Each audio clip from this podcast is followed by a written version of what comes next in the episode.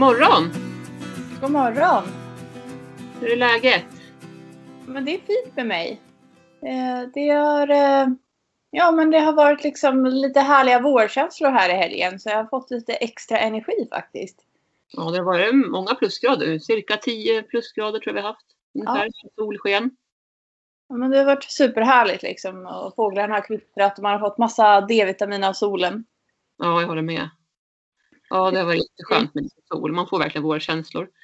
Och barnen har ju haft sitt sportlov här nu, men nu har de börjat igen. Skolan och förskolan här den här veckan då. Ja, Men vi har vi har haft ett härligt sportlov här hemma. ja men vad härligt. Ni hade ju ändå tur med vädret då, även om det inte var. Ja. Precis, det får man ju säga. Det var ju synd att snön försvann för barnen nu som har haft sportlov, men samtidigt så blev det ändå en fin, alltså fina dagar liksom, med sol och lite varmare. Man kan ändå se att det börjar torka upp lite grann också från den här snön som har smält. Ja, det är det-. Ja, Men eh, hur är det med dig då? eh, det är bra. Det har som sagt varit full fart trots att de har haft sportlov här. Vi har satt igång med lite byggprojekt. Vi har börjat bygga vindskydd nu till hästarna i hagen. Ja, Vi har pratat om det tidigare i något avsnitt att vi ska göra det. Så det var väl i höstas vi började grusa av där i hagen för det då. Eh, och nu så fort vädret tillät så, så har vi slagit upp, eller börjat att bygga upp, vi har satt upp väggarna i alla fall, de tre, tre väggarna, baksida och så sidoväggar. Så det kommer bli ungefär 24 kvadrat då för hästarna. Så det kommer bli bra. Och så tänker jag att jag har torv, förmodligen torv i botten och så halm uppe på. Vi får väl se lite grann. Jag vet att du och jag har pratat om det här, för du har ju också haft halm, men att det kan bli mycket flugor och så där vet jag att du har sagt va? Ja, men det blev det på sommaren framför allt. Blev det att Ja. det släcktes mycket flugor i halmen. Just det. Ja, så det är lite så här. Jag är lite valet och kvalet hur jag ska göra det, men jag såg någon som hade torv, torv i botten och sen så halm uppe på. Så vi får väl se. Annars får man väl anpassa lite grann efter årstid också. Halm kan man ju säkert ha, ha bra på vintern för det värmer och liksom li- lite extra ombonat tänker jag. Man ska kanske Ja. måste, ja, torv och spån. Jag vet inte riktigt. Jag har, eh, alltså jag tycker att halmen var ju supermysig och jag upplever att hästarna jag, jag vet inte, jag kanske inbillar mig, men jag tro, tycker att kanske hästarna tyckte att det var skönare att ligga och sova där inne när det var halm än nu när, när det är spån. Ja, Eh, för jag har sett, jag har liksom flera bilder på att hästarna ligger i halmen än när de ligger i spånet. Sen kan Mm. det ju vara bara att de ligger där på nätterna när inte jag är där ute, det vet jag inte. Men visst, de, de ligger ju och sover i spånet också, men jag tror halm är ändå lite fluffigare och mysigare för dem.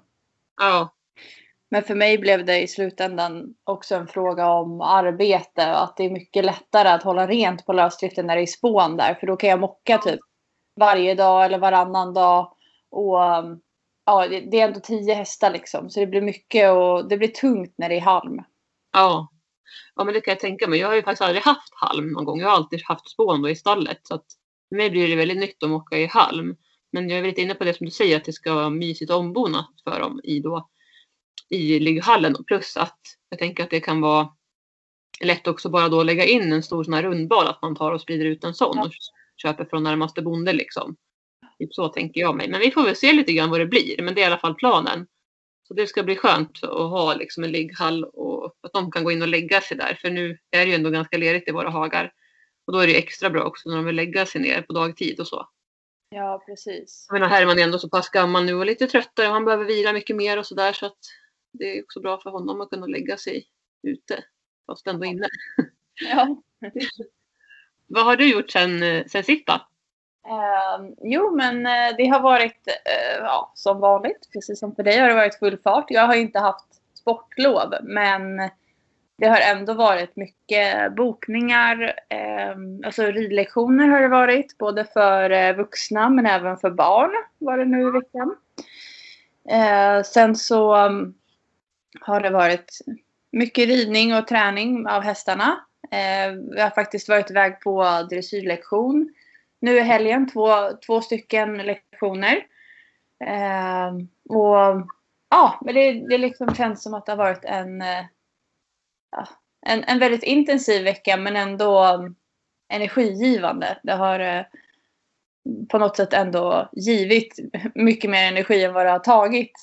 Ja, Eh, och ja, det har varit superhärligt att vara ute i skogen när fåglarna har kvittrat och hästarna har varit glada och ja, bara allmänt härligt helt enkelt. Det låter bra. Men visst har ni sportlov den här veckan va? Ja, det har vi.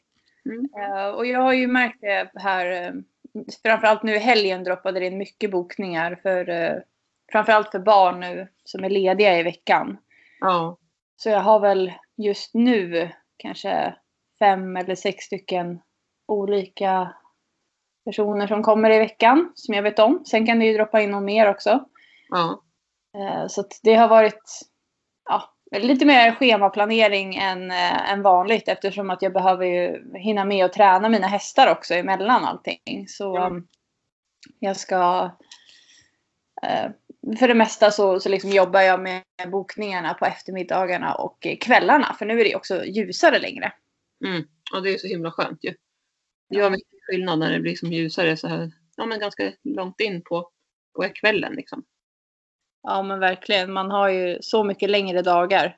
Ja, jag hade hästskötarkurs igår söndag eh, mellan ja, men 16 och 17 och det var så himla skönt att det fortfarande var ljust Ja. efteråt. Det var nästan så att det var fram till klockan 18 ju. Nästan så var det så att man ändå kunde vara ute och se liksom. Om det var kolsvart så det är jätte, jätteskönt. Men det är till och med första mars idag. Ja, det har du rätt i. Mm. är en ny månad. Ja, vi får väl se vad det blir för, för väder i mars. Det kan ju vara väldigt varierande förstås. Jag tycker ju egentligen att mars är en, att det är en vintermånad. Jag fyll- fyller ju själv år i mars. Ja. Och även min son William. Ja. Är födelsedag i slutet av månaden. Men det brukar kunna vara ganska kallt och det brukar också kunna vara snö. Men nu verkar det ju ändå som att det kan vara lite plusgrader på dagarna men lite kallare på nätterna. Mm. Vi får väl se då hur, vad som händer. Det Ja, brukar vara som aprilväder också. Då kan det ju både hagla och allt möjligt. ja. Ja, vi får se. Men just det här ljuset gör ju så stor skillnad tycker jag. Man får mycket mer energi också som du var inne på. Jag tror att det är just ljuset som gör att man får mycket mer energi. Ja. Ja men det är superskönt att, att känna att det inte bara är mörkt och grått hela tiden. För man märker ju nu också att solen den är ljusare än vad den har varit tidigare med. Ja, Det är liksom, ja men jag har ju haft, jag är ju ljuskänslig så nu har jag haft, eh, plockat fram solglasögonen och haft dem på mig när jag varit ute och ridit flera dagar för att det har varit så, så ljust och blå himmel. just det. Ja, Ja. det är lite bländad faktiskt av allt ljus. Ja, men man blir det. Det är härligt. Ja, verkligen. Man märker på hästarna också att de har haft vårkänslor. Ja. Eh, Och vi hade, jag hade dagläger här onsdag, torsdag också då i, på, på sportlovet vecka 8. Mm. Och eh, på, tors, eller på onsdagen då skulle vi ut och köra med Gingis och han var ju helt, alltså, han var helt vild. Vet du vad han gjorde? Han stegrade sig med vagnen två gånger. Det har aldrig någonsin hänt. Han hade så mycket energi. Visserligen blåste det lite grann. Eh, och men han, alltså, han ville bara springa och jag, jag gick ju bredvid för jag tänkte jag vågar inte sätta mig i vagnen och åka liksom, utan jag får, jag får gå bredvid och leda hela vägen. Och så fort jag typ skulle sätta mig och liksom börja spacka på då skulle han då skulle han liksom, ja men då stegrade han sig någon gång. Han till och med stegrade sig också någon gång fast jag ledde honom. Så det var bara att ta det lugnt och sen hem med honom på ridbanan sen så fick han springa av sig lite. Och sen på torsdagen då var det ett nytt gäng tjejer här som, som var här och skulle rida och vi skulle också ja, men, träna Gingis på ridbanan. Jag tänkte att vi kör inte idag för han var så pigg. Eh, eller vi börjar med att vi liksom lö- löshoppar lite sådär. Och det gjorde vi då. Så då fick han ju, och då när vi släppte honom eh, så gick han, då var, nu har det börjat komma lite gräs också på kanterna på ridbanan eftersom att snön har smält. Det är det som är vår nackdel med vår ridbana, att vi har liksom lite gräs som de når Ja. inifrån ridbanan. Och Gingis gick och åt lite grann och sen efter ett litet tag, då fick han liksom världens ryck. Så han sprang säkert en 10-15 varv. Bara runt, runt, runt. Så här, du vet, när hästar och även hundar kan få sån här bara ryck och bara springer. Så, till max liksom, så fort de bara kan. Och han bara flög över hindren på ridbanan som vi hade byggt upp där. Han var helt galen. Ja. så det är så härligt att se att han har mycket energi. Men jag tänker dels är det väl vår känsla men också just att han har blivit bra nu från förmodligen det här magsåret som han har gått och haft. Då. Så idag är faktiskt sista dagen, med, som jag, eller igår var rättare sagt, var sista dagen som jag behandlade med Gastrogard. Så att idag ska han inte få någonting sånt. Så får vi hoppas nu att han fortsätter att vara pigg och glad fortsättningsvis då. Vad härligt. Ja, jätte, jättehärligt. Nu har han nog fått en lång, lång behandling av Megastrogard som ska räcka enligt veterinären. Så vi får väl hoppas det då, att det, att det fortsätter att hålla i sig så här bra. Håller tummarna för det.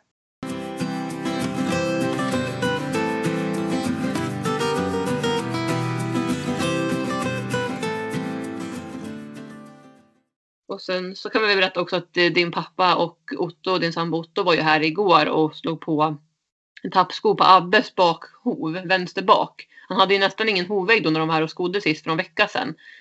Eh, men då, och sen ja, knappt en vecka efteråt så tappade ju den här bakskon. Så då kom din pappa och Otto hit igår och sen plastade de hans hov. Ja, just det. det vi nämnde ju det något annat ja. avsnitt här att man eh, kan plasta hovarna om det är så att, eh, att hästen själv saknar hovvägg till exempel. Precis. Och så fick det ju bli nu den här gången. Så det var väldigt intressant att med och titta och se hur de gjorde. Eh, och ja, men som din pappa sa, det, det blir väldigt starkt och bra. Och jag vet att du har ju ridit så på en av dina hästar som ni hade lite problem med också med ja. som hovväggar och att eh, du red ju, hur många mil var du red på det? Jag kommer ihåg. Det var, det var jättemycket, många mil. Jag plastade ju hoven innan vi skulle åka till EM. Ja, just det, så var det. Mm. Alltså jag red ju med det i träning då innan, men sen även på själva EM så kom vi väl 10 mil eller något sånt. Men jag red med där. Mm. Ja, det var jättehäftigt.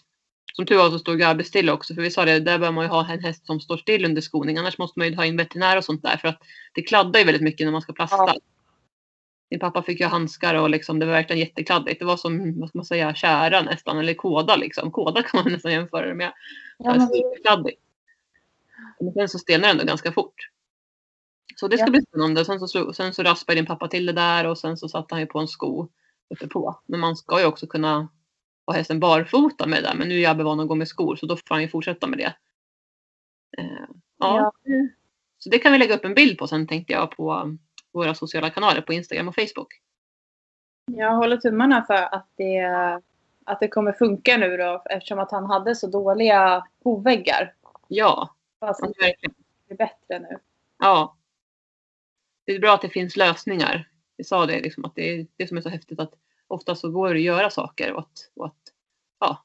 För det blir svårt annars liksom, om, man, om man inte kan slå på en sko när de inte har några väggar. Men att man kan återskapa det med hjälp av material.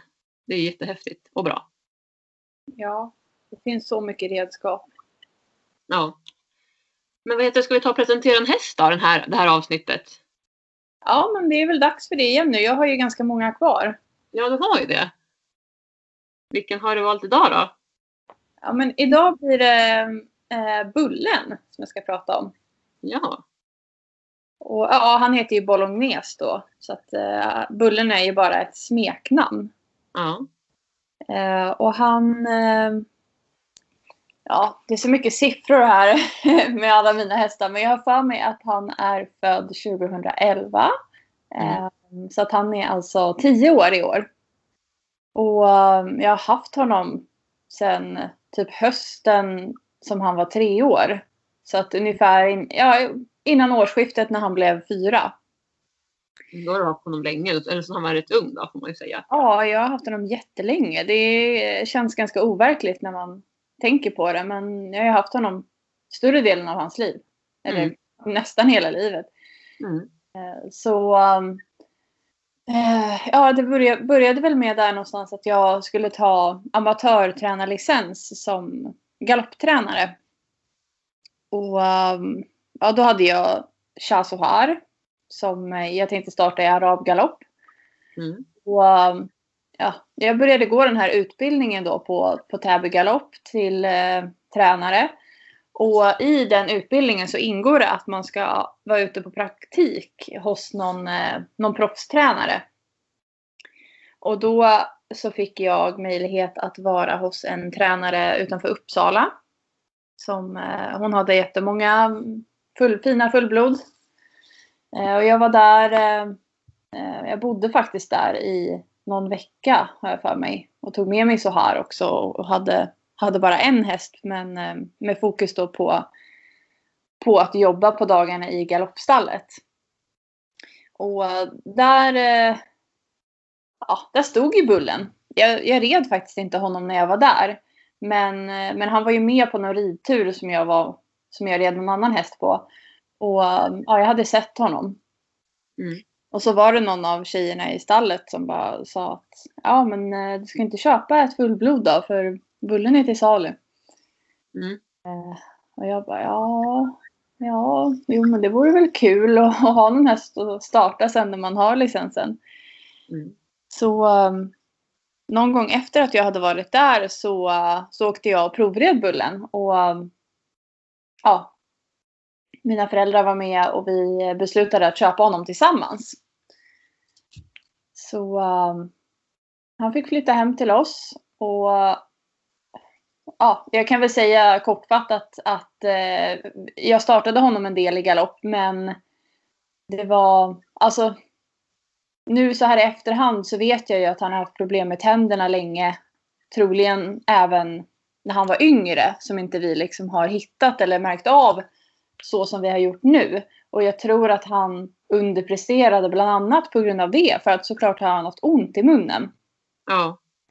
Och ja, det är liksom, eh, vi startade ett par löp men eh, han fick inga alltså, fina resultat. Och det visade sig även att eh, stallet där han stod i då som, som var ett annat stall än mitt.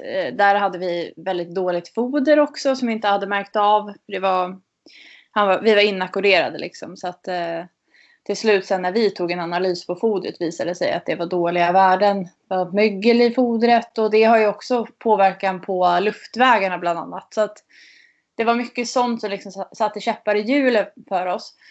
Mm. Och jag tappade sugen lite där på galoppen för att jag var ganska ung och jag tyckte att det var jobbigt att det var jag som var ansvarig och behövde liksom stå till svars för allting. Mm. Så ja, men där någonstans så liksom ja, tappade jag det här med att satsa på galopp med honom. Och eh, han hade ju hela tiden även ridits i dressyr och, och, och så som ung häst. Eh, så att jag fokuserade lite mer på det och jag hade ju även börjat rida ut på honom också. Mm. Eh, och det ska sägas att när Bullen var ung så um, han var ju inte så rolig kan jag säga. Okej. Okay. Nej, han, eh, Alltså första 15-20 minuterna var det bara att hålla i sig för att han flög ju överallt och det var liksom bocksprång och det var bakutsparkar och galopp i sidled och ner i diket. Och helt, alltså han var helt skogstokig typ. Mm. Uh, så um, jag började ju ganska tidigt att träna honom från marken också. Försöka få en bättre kontakt med honom för att han skulle bli mera koncentrerad på mig. Och uh, ja, liksom fokusera på sin uppgift och ha lite mer respekt. För att det hade han inte. Mm. Eh, och det är ju ofta så i galoppstall att där är det ju fokus på träningen, den uppsuttna träningen mycket. Så mm. jag tror inte han, han var ju så ung så han hade inte fått jättemycket av den typen av hantering som jag tycker är viktig. Det här med kommunikationen och relationen mellan häst och människa. Så i början när jag hade honom, då var det, alltså ärligt talat så var det ju farligare att vara på marken än att vara uppe på honom. Okej. Okay. Eh, för när vi longerade då var det, jag kommer ihåg en gång i ridhuset så kom det in någon annan och liksom bara eh, Oj, går det bra att jag kommer in? Och jag bara ja, ja, det går bra. Jag kan vara på bortre ändan. För att mm. då höll ju han på, du vet, och brallade på i galoppen och sparkade bakut och stegrade sig. Och, Mm. Alltså helt galen. Ja. Men om man satte upp på honom då kunde man ju ändå inverka på ett annat sätt. Som ja. han var van vid också. Just det. Eh, så ja, det var en, eh, en, en lång väg där. Mm. Han, eh, när vi började rida ut så var det läskigaste att han sparkade mot alla fordon som kom. Oj. Han eh, sparkade bakut mot eh, bilar och liksom bussar, allting. Så, där var det ju jättefarligt att vara på marken för att då kunde man ju liksom bli skadad. Ja. Så jag fick ju alltid ha honom längst bak i ledet. Ofta hade jag ju sällskap när jag red ut för jag, säkerhetsskäl så, så gillar jag inte att rida ut själv heller. Nej. Och då fick jag lägga honom sist. Och sen när det kom ett fordon så fick jag vända ut rumpan mot diket så att han liksom inte sparkade på fordonet. Eh, och det här är så sjukt att tänka sig nu för Bullen han bryr sig inte om någonting. Nej, jag skulle precis säga det. Jag har ju ridit på Bullen och det kan man ju inte tro att han har varit som du beskriver. Nej. Han är ju liksom världens snällaste och liksom coolaste kille tycker jag. Han är väldigt stor är han ju. Hur hög är han? Ja, han är 1,65 ungefär. Ja, Han är, han är mycket, han är, han är ganska stor kropp också. Så att eh, han är ju mera likt ett, ett halvblod nästan än ett så här, slimmat fullblod. Mm. Eh, så väldigt trevlig modellen att ha som ridhäst. Mm. Han är jättefin.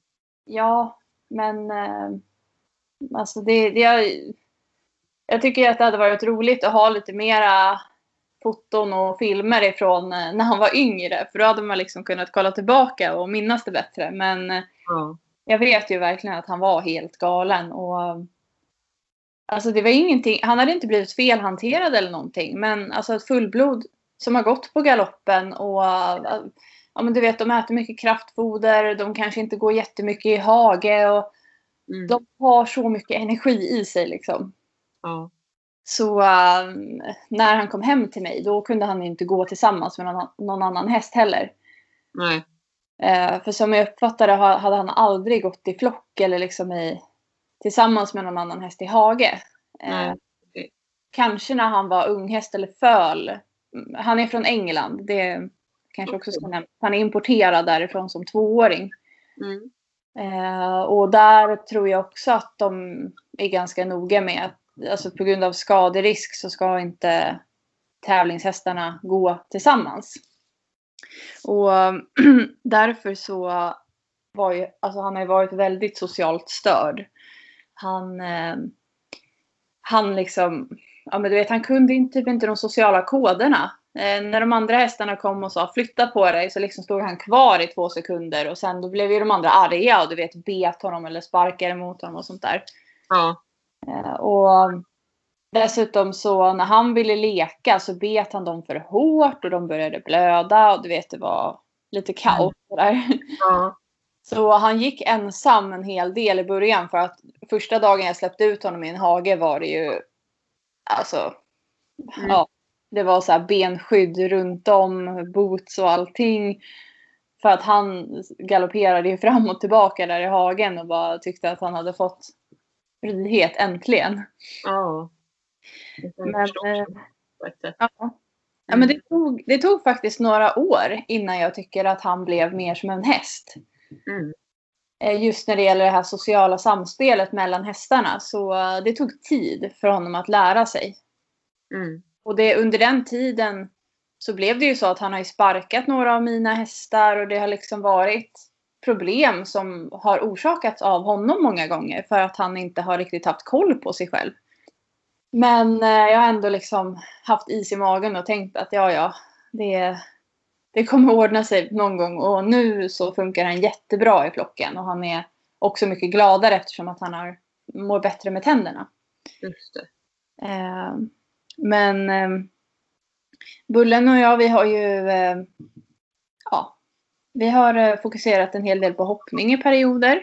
Mm. Eh, och där har ju hans, hans tränare som hade honom, eh, hon är jättenoga med att löshoppa sina hästar och, och träna dem väldigt varierat. Eh, de går dressyrpass och de hoppas och sånt där. Så att det märktes ju att han kunde det redan innan jag började hoppträna.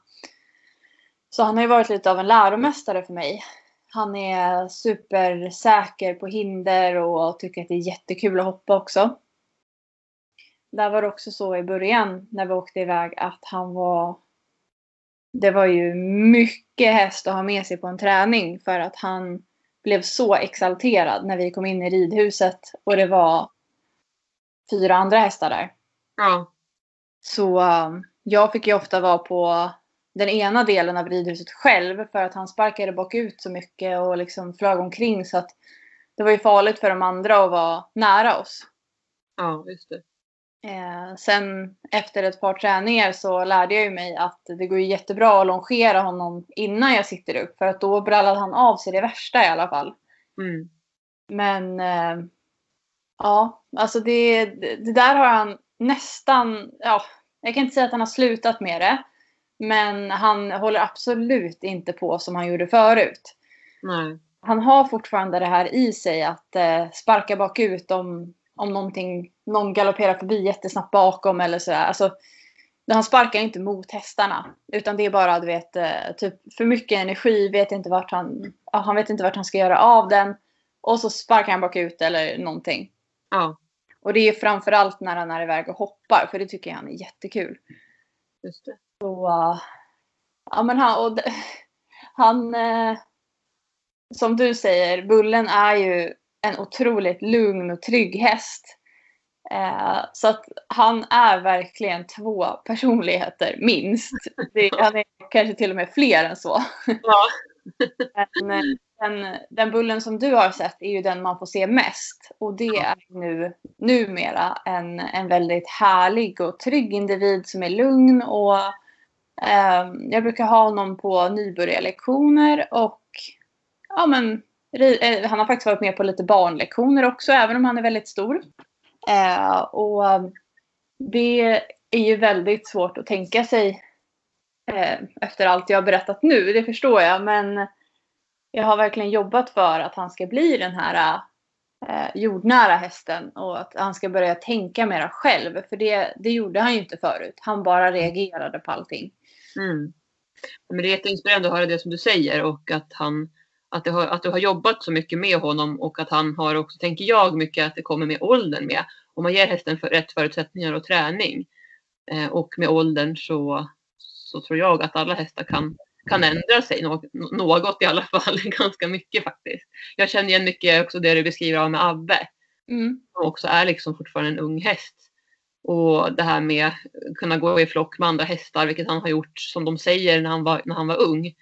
Eh, men jag märker ju tendenser, som du säger det här, att han inte riktigt vet de här sociala koderna hästar emellan. Han kan vara lite för på ibland. Sen är han ju också väldigt dominant, men det är, det är mycket som jag tycker stämmer in på hur Abbe framförallt har varit när han kom hit. Men han har ju också liksom, på det här halvåret han har varit här så har ju han hunnit ändra sig också i sin personlighet och sitt sätt att vara.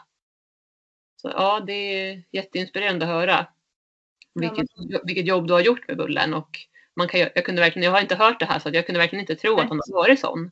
Samtidigt så, så brukar man också säga att fullblod kan ju ha mycket nerver. Det Ja. brukar ju vara liksom en så här kännetecken, kännetecken. Och också som du säger att han har, han har, han har gått på galoppen. Så, så ja, är- så, så, speglar ju det tänker jag också. Det påverkar ju hästen då. De ska, ju ha, liksom, de ska ju ha mycket energi och ja, de ska vara snabbast helt enkelt. Ja, men precis. Eh, och han... Eh, eh, det blev en stor skillnad för honom också när han gick från att stå uppstallad till att gå på lösdrift. Mm. Eh, Det har varit väldigt nyttigt för honom för att han... Alltså framförallt i början då när man tog ut honom på morgonen så var det ju typ som att gå ner till galoppbanan med en, en, häst, en starthäst. Alltså det var trippa på stället, sparka bakut, hoppa omkring när man ledde honom. Mm. Eh, och nu, nu när han går på lösdrift så får han i utlopp för mycket av den energin som han har haft i sig annars och haft lite svårt för att hantera. Mm. Och alltså Bullen har aldrig varit en dum häst. Han har aldrig varit elak så. Men Mm. däremot så har han blivit... Alltså han har varit en sån häst som när han reagerar eller liksom blir exalterad och sådär. Då kopplar han bort allt. Han går in i sig själv och så får man inte så mycket kontakt med honom.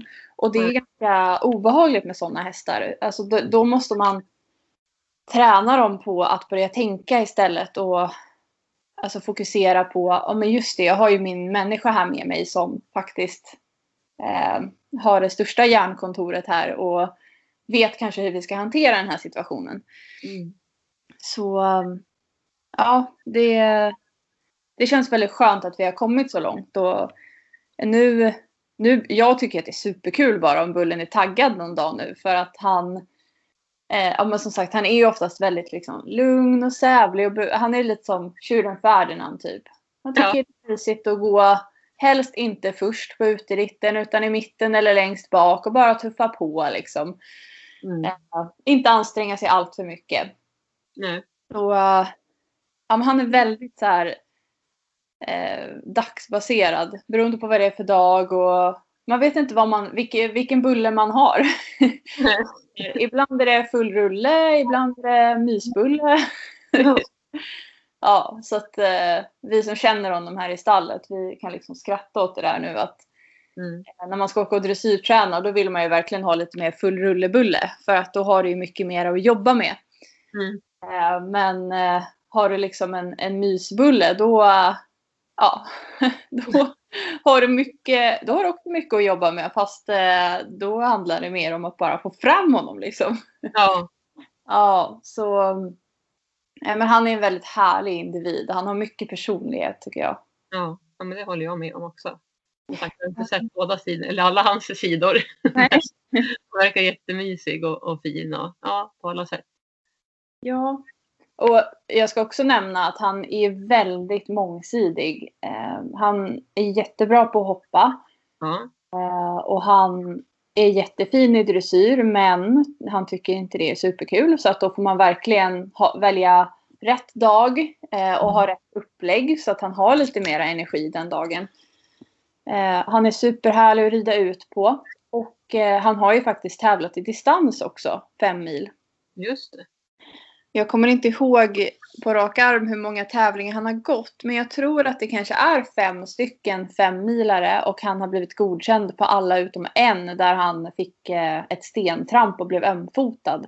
Mhm. Så, alltså fast han är så stor så, så funkar han jättebra att rida distans på också. Det tycker jag är häftigt att han har alla de här sidorna liksom.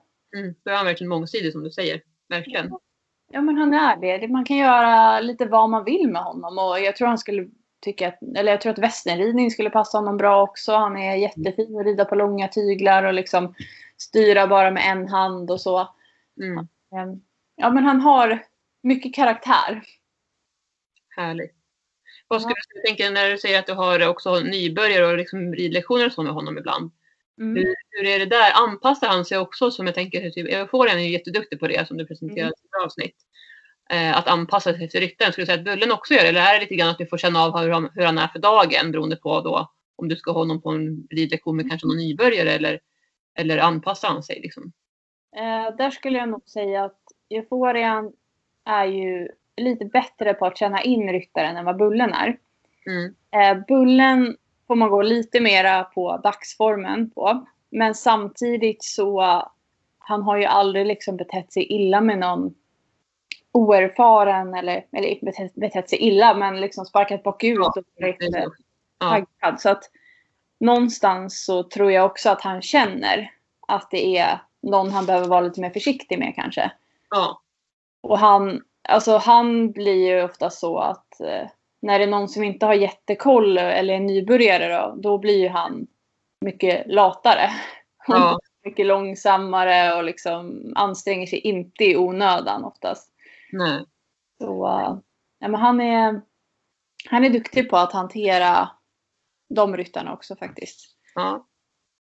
men det är intressant att höra. För att jag har ju tänkt att med Abbe att jag ska så småningom också ha honom i verksamheten och ha lektioner. Men som det är nu så, så känns han lite för grön för det.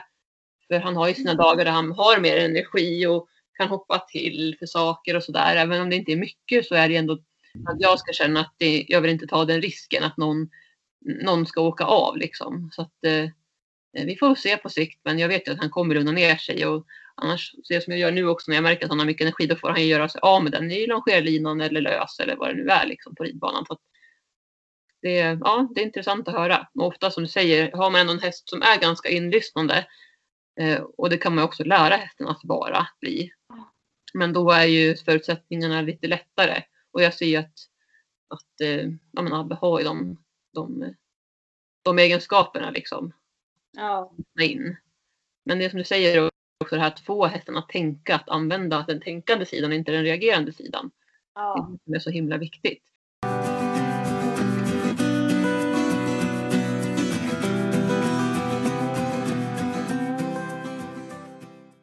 Men jag tänker, så hur skulle du säga att det har varit liksom avgörande för, din, för träningen med Bullen då?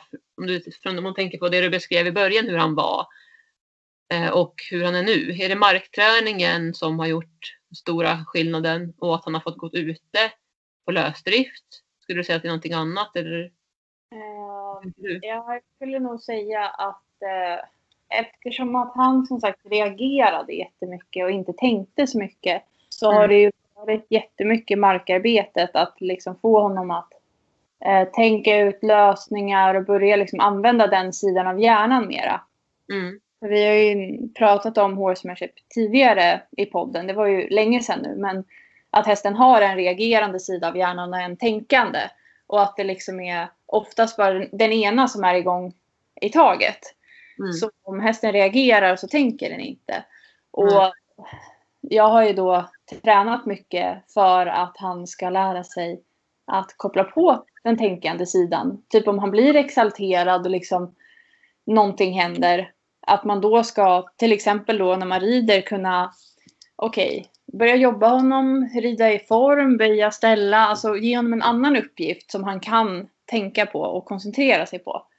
Mm. Så det har varit mycket det. Men eh, sen såklart lösdriften har ju också gjort sitt och att han, att han har, eh, han rör sig mera än Mm. när han står på box. Och han, han krubbiter ju också. Alltså det har han alltid gjort och dels så tror jag att det är för att han stod väldigt mycket inne när han Mm. var i galoppträning och han åt mycket kraftfoder. Eh, Så det var ju en stressgrej och de, de flesta galoppörerna har ju magsår faktiskt. Ja. Av, eh, han mådde väl dåligt över det. Och sen så har ju säkert tänderna också spelat in under Ja. uppväxt. Och um, ja, alltså ett krubbitande det är ju ett beteende som oftast inte bara försvinner utan eh, det finns inte någonting att göra åt det direkt. Utan det är bara att försöka att få hästen att må så bra som möjligt. Men det är verkligen ett, alltså, ett mönster som de gör. Mm. Eh, Bullen gör ju det här när han äter framför allt. Eh, för det är ju det han har vant sig vid tidigare. Att han liksom tuggar lite på maten, krubbiter, tuggar på maten, krubbiter. Och um, jag har faktiskt testat att ta pulsen på honom bland annat när han gör det. Och Mm. han, han har ingen stresspuls eller någonting utan han är liksom, han står och frustar och är precis lika lugn som kompisarna som står bredvid honom. Men han har det här beteendet. Ja. Eh, och då om han står på box blir ju det värre än när han Mm. står på drift. Just det. Ja, så att eh, ja, i vissa i perioder så, så är det mindre, absolut. Och ja, när han äter så blir det ju mycket värre. Mm. Ja, Men det är som du säger, det är ju många saker som kan påverka hästen. Eh, Men jag tror verkligen, eller tror, jag, jag vet ju att markträningen gör ju så stor skillnad att jobba på den här kommunikationen och få hästen att använda sin tänkande sida. mm. eh, liksom utveckla den. Och sen tror jag också att, att eh, mycket utevistelse gör ju gott för alla hästar. Sen kan jag förstå att en del kanske inte har riktigt möjligheten beroende på hur det är på det stallet man står till exempel. Eller ja, men det kan vara olika saker liksom. Men jag märker ju stor skillnad på Abbe som då har stått på box i stort sett hela tiden i Spanien på dagtid och sådär. För att de inte haft hagar och så. Eh, han tyckte det var läskigt att gå i hage först förstås med liksom all förståelse. Men idag så är han ju så avslappnad och man ser ju att han, han kan springa runt i hagen om han har lite energi en dag. Liksom. Då kan han ta någon runda. Eh, men, men liksom utevistelsen gör ju att han blir avslappnad och det märks tydligt. Så jag tycker att vi har både, både du och jag tydliga exempel på att det, att det hjälper mycket. Ja, som har mycket energi. ja men verkligen. Det, det märker jag ju på mina hästar när de står inne en natt. Ja, Eh, de flesta har ju väldigt bråttom ut på morgonen och är liksom såhär ja jag ska ut, jag ska ut. Och så när man släpper dem i hagen så liksom galopperar de iväg. Drar ja. de ett litet varv där. Mm, Så eh, det är uppenbart att det är, ja, alltså det är ju inte naturligt för mina hästar. De är ju mer, det är mer naturligt för dem att vara ute, för det är det de är mest vana vid. Och mm, det är också det som en häst är gjord för. I, Ja. ja. Ja, alltså som vildhästarna har det också. precis. Jag Ja. kan lägga till det också att mina hästar har ju varit mest ute. Eh, även på nätterna. De trivs bäst ute. Det känns extra skönt nu också. Jag har vindskyddet på gång. Nu har jag ju haft kallblodsraser och de är ju väldigt tåliga liksom. Och det är ju också eh, ja, bra av många aspe- aspekter att ha hästarna ute så mycket som möjligt. Nu kommer vi in på ett annat tema här men jag tycker att det är så när vi pratar om det här så tycker jag att det är så bra att diskutera. För ja, jag vet ju att det är ganska så här, ja men diskuterat ämne liksom. Men jag tror ändå att de flesta håller nog ändå med om att om man har möjligheten att det är bra att ha hästarna ute. Ja. Eh, Jag kommer ihåg vår första häst vi köpte. Där sa ägaren att, att han var mörkrädd för att han var liksom van att vara inne på nätterna. Eh, och jag kan säkert förstå att en del hästar kan tycka att det är lite läskigt att vara ute på natten om de inte är vana med det. Som hästarna är ju vanedjur också. De vänjer sig med att få komma in och står och vänta. Liksom. Eh, men jag tänker på Abbe nu också som är van att ha stått inne och han har dessutom kommit till ett nytt land. Men han har verkligen anpassat sig och jag menar, tänker man tillbaka så är ju det mest naturliga för hästen är ju faktiskt att vara ute. Ja. Och, och menar, nu har vi liksom ett, eh, om jag tänker i Sverige i alla fall så har vi egentligen inga direkta farliga rovdjur här på det sättet. Ja, det är klart att vissa ställen finns det björnar och, och varg och så eh, i Sverige liksom, men för det mesta så är ju ändå, om jag tänker där vi bor i alla fall, både du och jag Josefin, så har vi ändå rätt trygga, trygg miljö runt omkring. Ja. Eh, och där kan ju ändå hästarna då känna att de inte behöver vara på tå lika mycket som, som de egentligen i naturen annars skulle behöva vara. Nej, och sen har man som jag en, en eh, ganska stor flock som är väldigt trygg med varandra så märker jag att de, de, eh, ja, men de, de hjälper varandra. Mm. Eh, och liksom hålla sig lugna och hantera saker. Det är väldigt häftigt att se. Ja. Verkligen. Vi får Ja. prata mer om, om det på ett annat avsnitt. Ja. Vad skulle du säga är ehm, det bästa med Bullen då? Ja, det bästa med Bullen. Ja, men det är nog eh, ändå att man inte vet eh, vad som väntar den dagen man ska rida. Det var, Ja. någon, det var faktiskt någon av hans medryttare som sa att Bullen är som ett Kinderägg. Det är så här surprise varje gång. Ja, Det är kul. Och ehm, ja, men det är utmanande också. Att det inte Mm. alltid bara är liksom samma sak. Och ibland är det, behöver man jobba med att få igång honom och ibland behöver man jobba med att få honom lugn. Så det kräver lite av en ryttare. mm. men det är som du säger, det är utvecklande och bra. Det är så man lär sig att bli bättre ryttare också. Mm. Vad är det mest, det som är mest utmanande då? Eh, Det är väl eh, eh, Alltså dels att krubbitningen gör ju att han blir ganska spänd i halsmuskulaturen. Ja, Eh, Så det är ju lite utmanande för det gör ju också att han blir lite mera stel och liksom seg att rida på. eh, De dagarna han är lite extra spänd. Så det är ju en grej. Och sen är det ju också det här med tänderna då. Att han har haft problem i munnen och, och vi håller fortfarande på med det liksom. Och det, det är väldigt kostsamt. Det, jag vet inte. Jag har nog lagt eh, alltså bra många tiotusentals kronor på det. Tack och lov går det här på försäkringen. mm. Men, eh, men alltså det är, en, det är en dyr häst just nu. För att jag behöver ju hjälpa honom med det här för att han ska kunna förhoppningsvis hålla bra och leva länge. Just det. Så eh, det är inte jättekul. Eller det, det är inte kul alls. Men eh, det är kul att se att han mår bättre av det. Ja, det Ja, är det viktigaste. ja men precis. Och det är, men det som vi har pratat om tidigare. Att man, man får ju liksom ta sitt ansvar.